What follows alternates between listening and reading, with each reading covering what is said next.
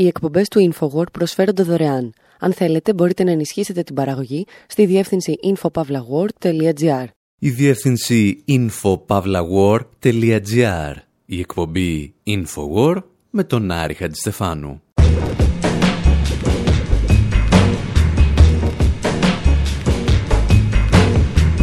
Όπου σήμερα υποπτευόμαστε ότι ένα φάντασμα πλανιέται πάνω από τις Ηνωμένες Πολιτείες το φάντασμα του μετριοπαθού σοσιαλισμού. Παρακολουθούμε τον Ντόναλτ Τραμπ να κηρύσει τον πόλεμο στην αριστερά μέσω Βενεζουέλας και την αριστερά να απαντά ξεχνώντας τη Βενεζουέλα. Και ύστερα επιλέγουμε τα καλύτερα αντικομουνιστικά τραγούδια, ταινίες και κινούμενα σχέδια για να διαπιστώσουμε τι άλλαξε από τη δεκαετία του 50 μέχρι τις ημέρες μας.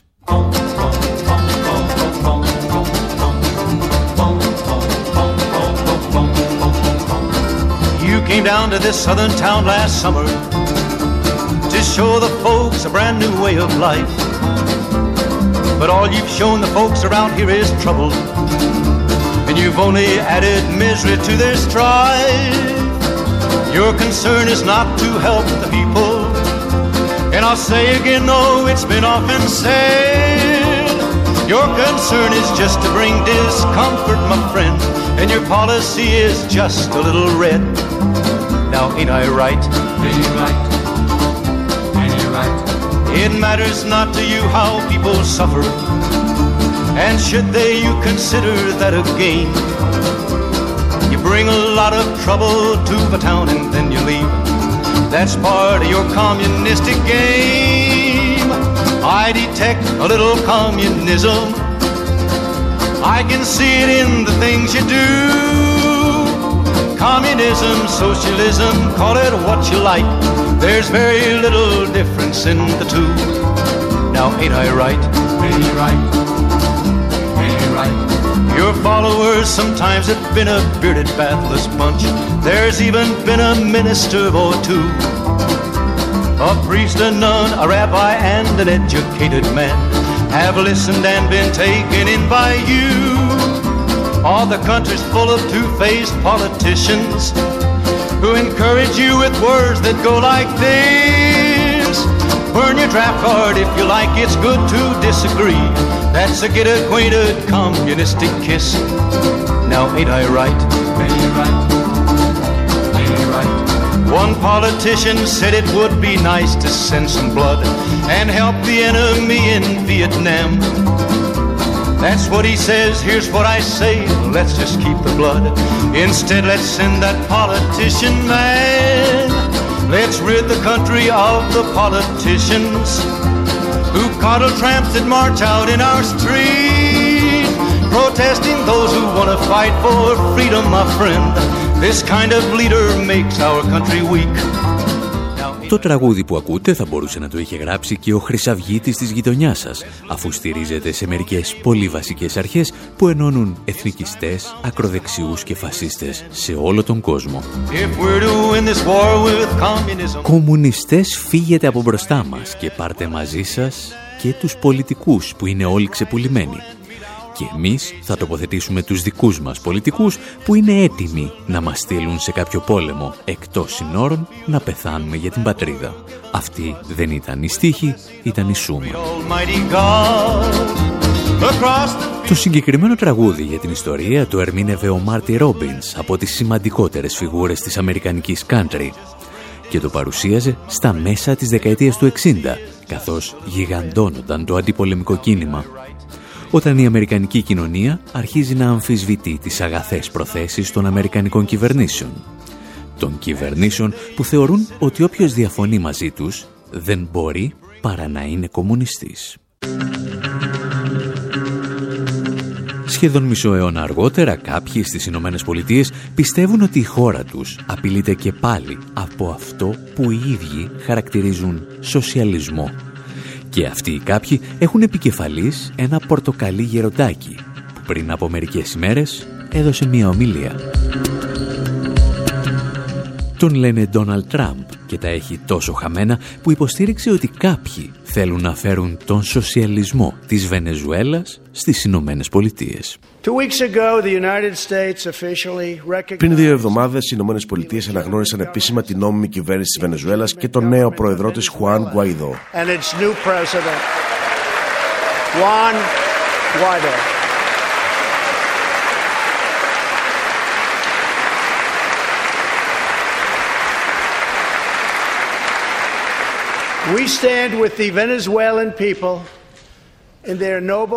Στεκόμαστε δίπλα στον αγώνα του λαού της Βενεζουέλας και καταδικάζουμε τη βαρβαρότητα του καθεστώτος Μαδούρο.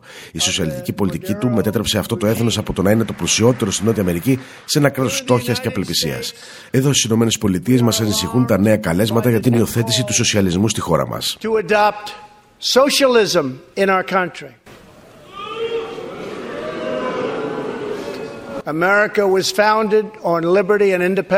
Η Αμερική δημιουργήθηκε στη βάση της ελευθερίας και της ανεξαρτησίας και όχι στην επιβολή, την κυριαρχία και τον έλεγχο από το κράτος.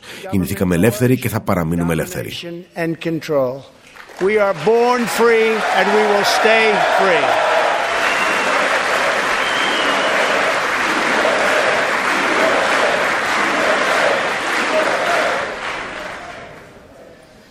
Tonight, We renew our resolve Απόψε ανανεώνουν την αποφασή μας ότι η Αμερική δεν θα γίνει ποτέ μια σοσιαλιστική χώρα. Be a socialist country.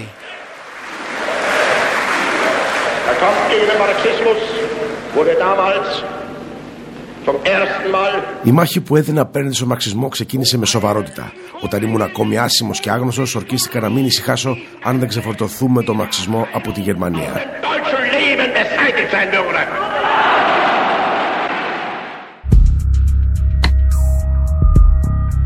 Ο πρώτος κύριος που ακούσατε ήταν λοιπόν ο Ντόναλτ Τραμπ και ο δεύτερος ο Αδόλφος Χίτλερ. Ο τελευταίος βέβαια ήταν φασίστας, ενώ ο Τραμπ δεν πληρεί όλες τις προϋποθέσεις, κυρίως γιατί ουδέποτε είχε ένα μαζικό κίνημα να τον στηρίζει. Όταν όμως ακούς τον πρόεδρο των Ηνωμένων Πολιτειών να ξεκινά μία ακόμη ιδεολογική σταυροφορία και οι παρευρισκόμενοι σηκώνονται όρθιοι φωνάζοντας USA, USA, καταλαβαίνεις ότι ζεις σε μία από εκείνες τις εποχές που γεννούν τέρατα. Η δεύτερη διαφορά των δύο μιλητών είναι ότι ο Χίτλερ είχε απέναντί του ένα πραγματικά ισχυρό κομμουνιστικό κίνημα να εξαφανίσει Αντίθετα, στην ομιλία του Τραμπ, όταν το αλαλάζον πλήθος φώναζε USA, USA, οι κάμερες έδειχναν τον Μπέρνι Σάντερς, που καθόταν σιωπηλός σε μια γωνία. Το μήνυμα του Τραμπ βέβαια ήταν σαφές. Εάν δεν εξαφανίσουμε ανθρώπους σαν τον Σάντερς από το πολιτικό σκηνικό, σύντομα θα βρεθούμε στην κατάσταση της Βενεζουέλας. Και αυτό ακριβώς το μήνυμα μετέδιδε και ο μεγαλύτερος ειδησιογραφικός τηλεοπτικός σταθμός των Ηνωμένων Πολιτειών, το Fox News.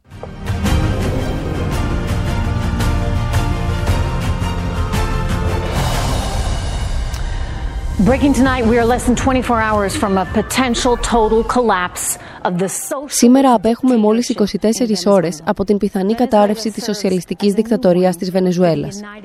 Η Βενεζουέλα αποτελεί ένα νέο δίδαγμα για τις Ηνωμένες Πολιτείες.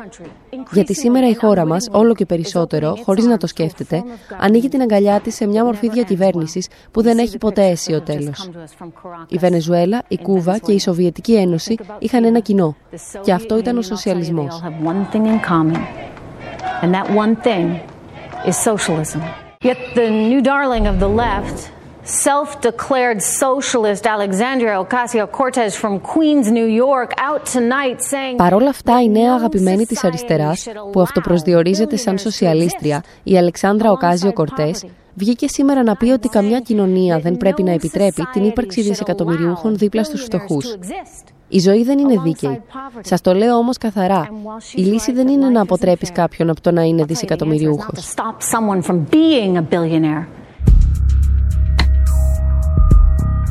Η συγκεκριμένη επιχειρηματολογία παρουσιάζει σειρά προβλημάτων.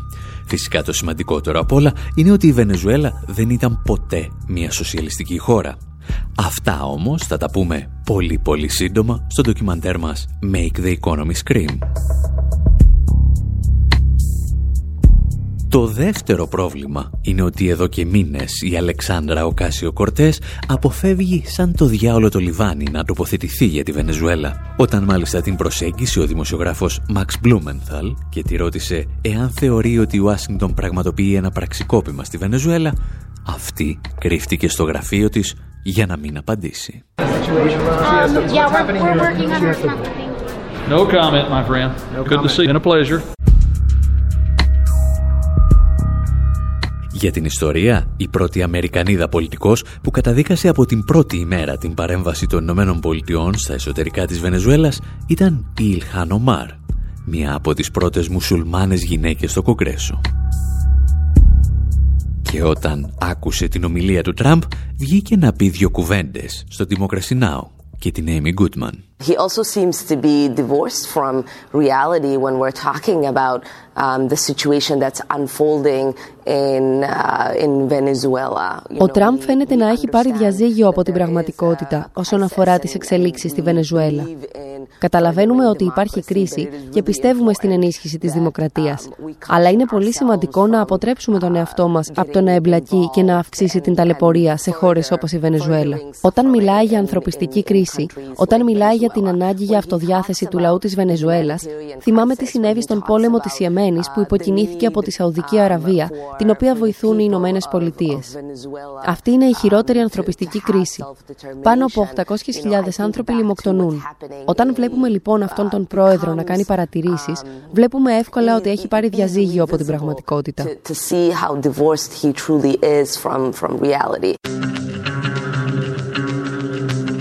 Σήμερα όμως εμείς δεν συζητάμε για το διαζύγιο του Τραμπ με τη λογική και την πραγματικότητα, αλλά για το διαζύγιο των Ηνωμένων Πολιτειών από τη λέξη σοσιαλισμός. Ένα διαζύγιο που κρατάει εδώ και σχεδόν 7 δεκαετίες γιατί παλαιότερα ο σοσιαλισμός ήταν σχεδόν στη μόδα. Αυτά όμως θα τα συζητήσουμε σε λιγάκι. Arise, ye workers from your slumber. Arise, ye prisoners of want. That's right. For reason in revolt now thunder. Chains of hatred, greed, and fear. Away with all your superstitions. Serve our masses, arise, arise. We'll change henceforth the old tradition and spurn the dust to win the prize. So, comrades, come on and rally. Then the last fight, let us face. The International unites the whole darn human race. So, comrades, come on, let's go rally. And the last fight, let us face. The International unites the whole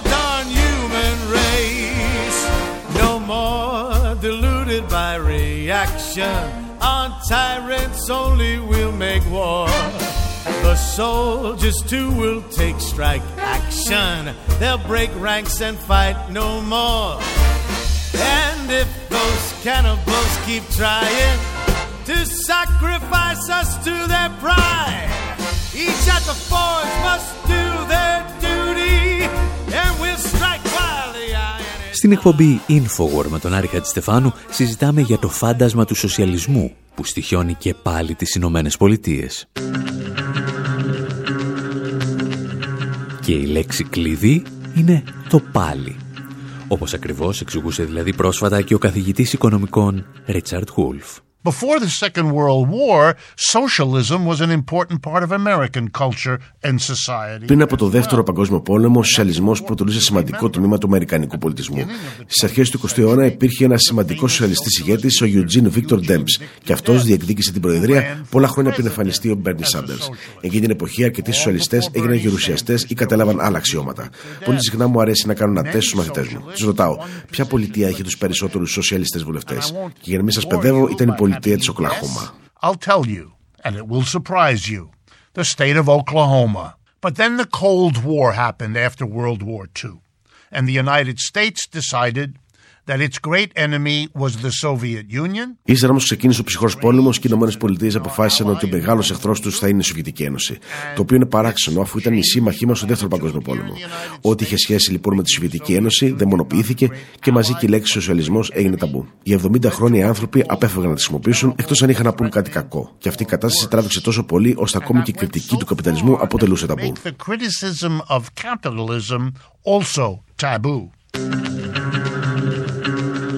Στα πρώτα χρόνια του ψυχρού πολέμου, το αμερικανικό κατεστημένο θα παράξει την πιο ιστερική αλλά και αστεία προπαγάνδα εναντίον του σοσιαλισμού και του κομμουνισμού.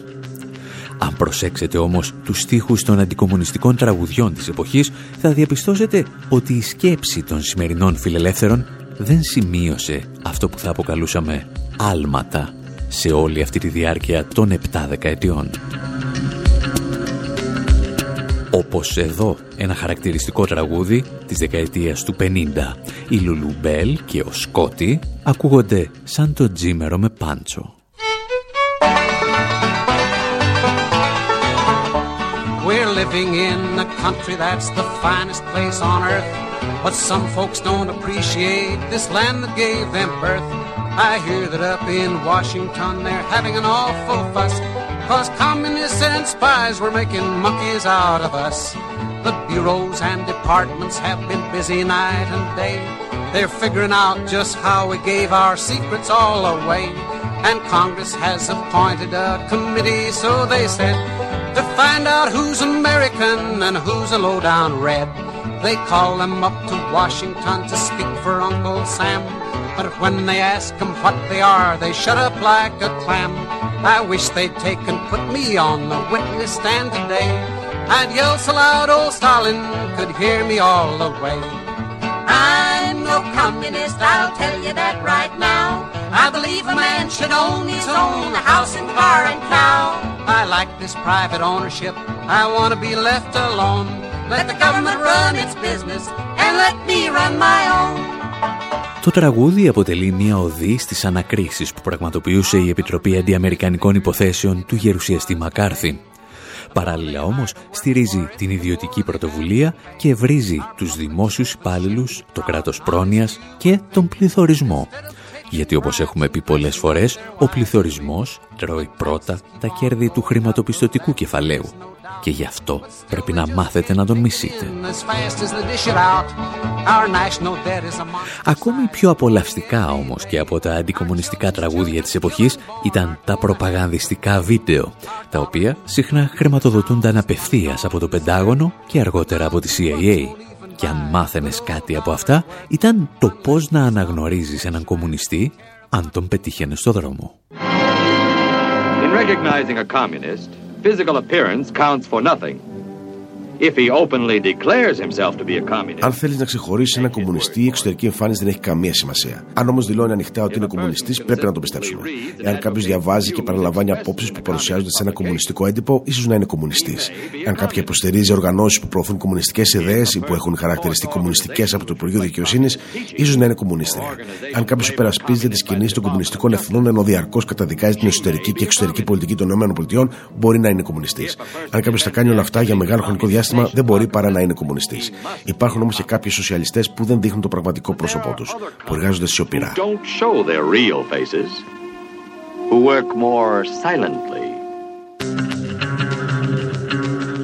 Το πώς να ξεχωρίζετε τους σιωπηρούς κομμουνιστές θα το δούμε σε επόμενο μάθημα. Εσείς προς το παρόν αρκεί να συγκρατήσετε ότι αν κάποιος δήλωνε κομμουνιστή στις Ηνωμένες Πολιτείες, μάλλον ήταν κομμουνιστής. Το οποίο βέβαια ίσως να ίσχυε στην Αμερική του 50, αλλά δεν είμαστε βέβαιοι ότι ισχύει και στην Ευρώπη. Γιατί σε ορισμένες χώρες της Ευρώπης το να δήλωνες κομμουνιστής σήμαινε απλώς ότι προαλυφώσουν για διευθυντική θέση στα μέσα ενημέρωσης ή στην πολιτική αρένα. Και αυτά όμως είναι για επόμενο μάθημα. Προς το παρόν, εσείς βγάλτε μία κόλλα χαρτί γιατί στο δεύτερο μέρος της εκπομπής θα συζητήσουμε για ανθρώπους που αποφάσισαν να υψώσουν το ανάστημά τους στην αντικομουνιστική ιστερία του ψυχρού πολέμου. Και ίσως κάποιοι θα χρειαστεί να το επαναλάβουν και σήμερα.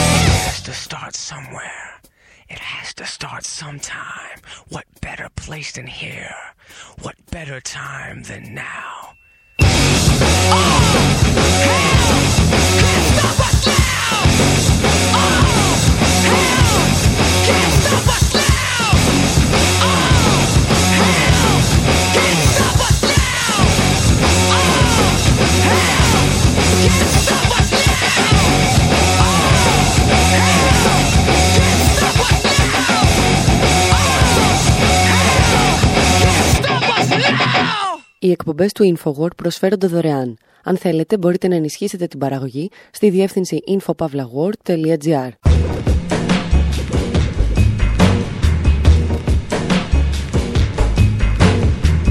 Εκπομπή InfoWord, μέρος δεύτερο.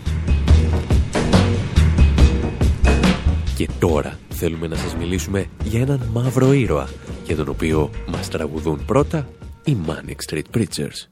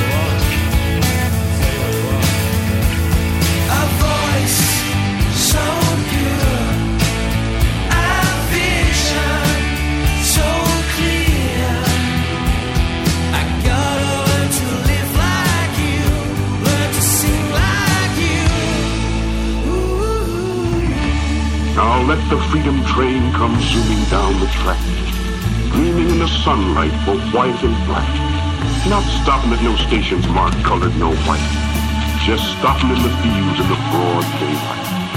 Stopping in the country in the wide open air, where there never was a Jim Crow sign nowhere. And no living white committees, politicians of note, nor poll tax mayors to which colored vote. And there won't be no kind of color line. The freedom train will be yours and mine.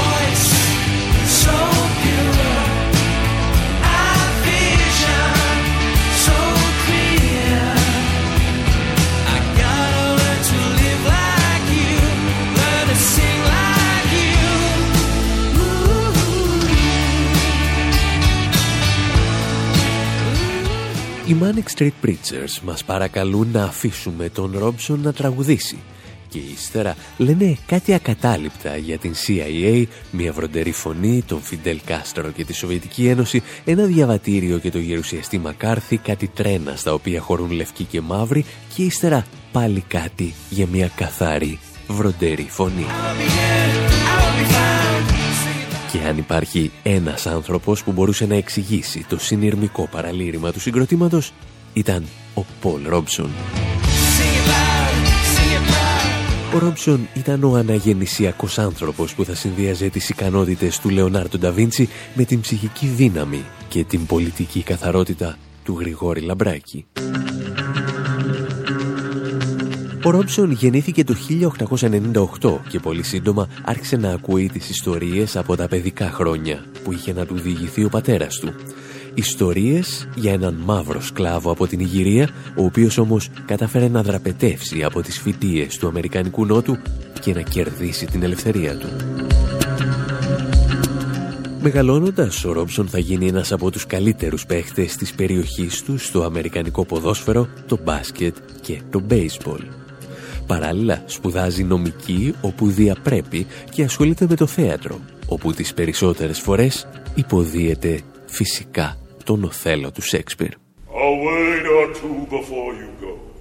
I have done the state some service. Ο χώρος όμως στον οποίο πραγματικά θα διακριθεί και θα γίνει αναγνωρίσιμος ο μαύρος καλλιτέχνης θα είναι το τραγούδι. Και όταν ήταν νέος ακουγόταν κάπως έτσι. There's an old man called the Mississippi. That's the old man that I'd like to be. What does he care if the world's got troubles? What does he care if the land ain't free? Το συγκεκριμένο τραγούδι υποθέτουμε ότι σας αφήνει λογικά αδιάφορους εάν δεν έχετε αλλάξει ήδη σταθμό. Προσπαθήστε όμως να φανταστείτε αυτή τη στεντόρια φωνή να απαντά στους ανακριτές του γερουσιαστή Μακάρθη όταν κατηγορούσαν τον Ρόμψον ότι είναι κομμουνιστής.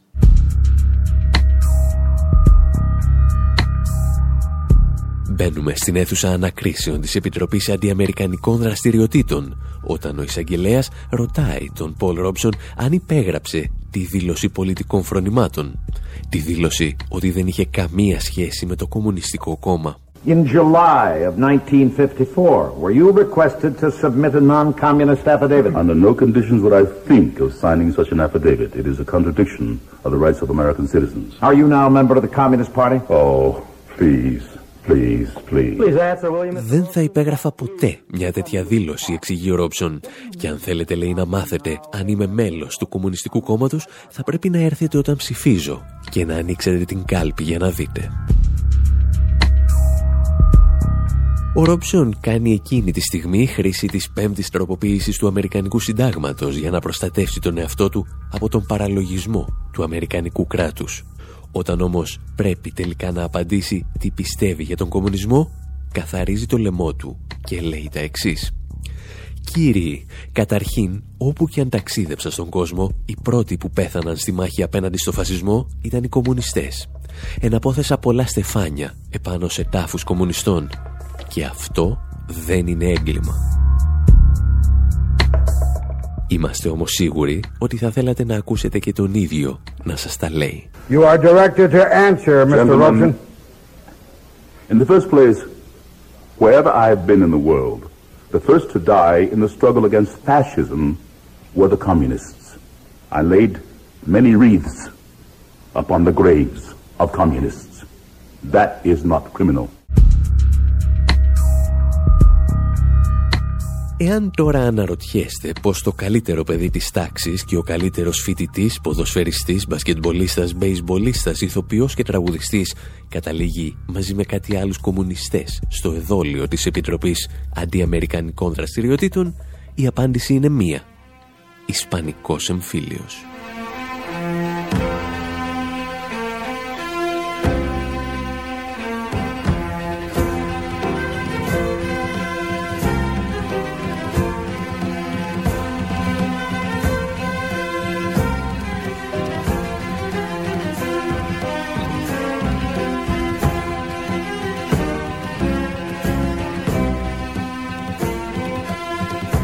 Πολ Ρόμψον έδινε καθημερινά μάχες ενάντια στο ρατσισμό που αντιμετώπιζε στην Αμερική της δεκαετίας του 20 και του 30. Παρακολουθώντας όμως τις μάχες του Ισπανικού εμφυλίου, συνειδητοποιεί ότι η πραγματική μάχη είναι στη βάση της όχι φιλετική ή εθνική, αλλά πάντα ταξική.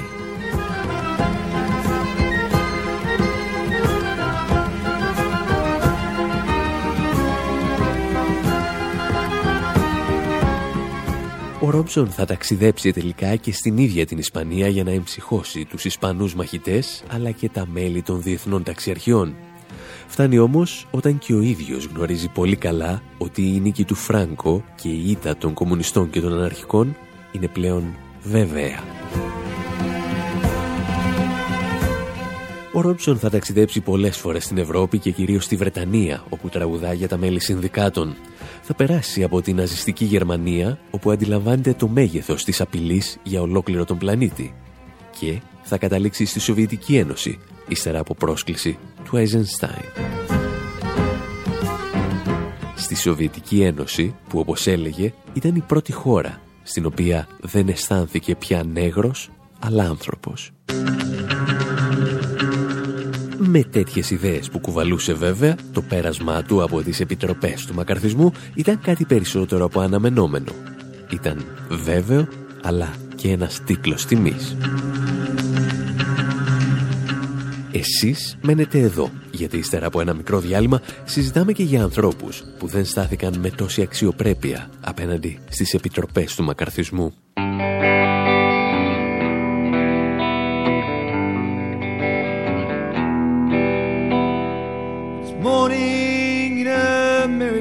And you can be your best. If you have a valid credit card and can pass a urine test, and it's midnight in El Salvador, they're spending dollars in your name.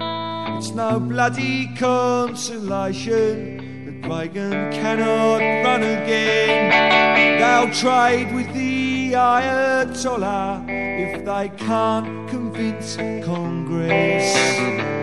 The only type of patriot is an anti-communist. And I shake my head and wonder, what would Joe McCarthy say if we could walk through downtown Washington DC today? The CIA on campus taking down some names, inviting folks to join them in their coke and dagger games. And does it ever prick your conscience as we are the world you see? When you know today we're so far away from the dreams of Martin Luther King, the brotherhood of the elephant party of the ass desperate for contestants to take part in the farce of selling democracy down the tubes with the ad man's expertise. The majority by their silence paid for days like these.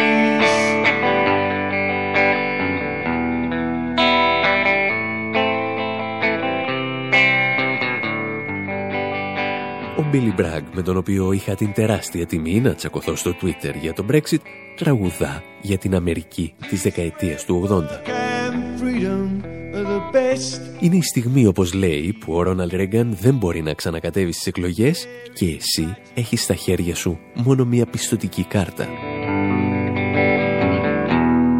Ο Μπίλι Μπραγκ αναρωτιέται τι θα σκεφτόταν ο γερουσιαστής Μακάρθη αν περπατούσε για λίγο στους δρόμους της Ουάσιγκτον. Τραγουδά για την επιστροφή του αντικομουνισμού και την αναζωπήρωση του ψυχροπολέμου στα χρόνια του Ρίγκαν. A urine test.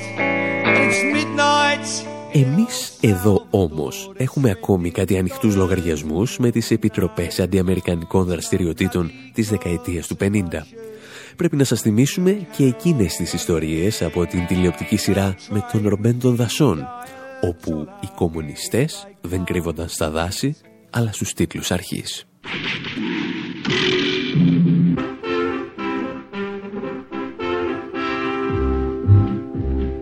Robin Hood, Robin Hood, riding through the glen. Robin Hood, Robin Hood, with his band of men, feared by the bad, loved by the good. Robin Hood, Robin Hood,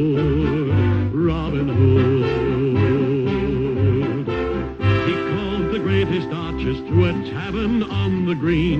They vowed to help the people of the king. They handled all the trouble on the English country scene and still found plenty of time to sing. Robin Hood, Robin Hood, riding through the glen. Robin Hood, Robin Hood, with his band of Επιστρέψαμε λοιπόν στη δεκαετία του 50 και παρακολουθούμε και πάλι τους τίτλους αρχής της τηλεοπτικής σειράς «Οι περιπέτειες του Ρομπέν των Δασών». Και αν μπορούσατε να τους δείτε μαζί μας, θα καταλαβαίνατε ότι κάτι λείπει. Στα πρώτα έξι επεισόδια δεν αναγράφονταν τα ονόματα των ανθρώπων που έγραφαν το σενάριο και υπήρχε γι' αυτό ένας πολύ συγκεκριμένος λόγος. Παραγωγός της σειράς ήταν η Χάνα Βάινστάιν, η οποία δήλωνε δημοσιογράφος, εκδότρια, παραγωγός και αριστερή.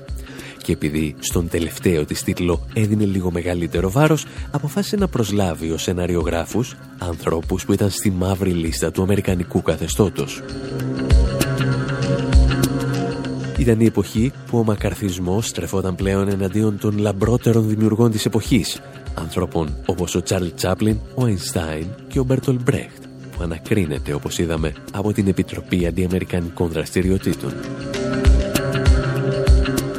Για να επιστρέψουμε όμως στη δική μας ιστορία του Ρομπέν των Δασών, από το έκτο επεισόδιο της τηλεοπτικής σειράς, επειδή κάποιοι είχαν αρχίσει να αναρωτιούνται γιατί δεν αναφέρονται τα ονόματα των σεναριογράφων, η Χάνα Βάινστάιν άρχισε να χρησιμοποιεί ψευδόνυμα για τους συνεργάτες της.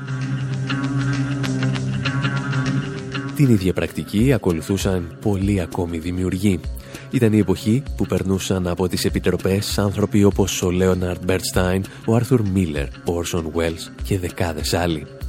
Ανάμεσα στους μάρτυρες όμως βρέθηκαν και κάποιοι που ήθελαν να καταδώσουν συναδέλφους τους.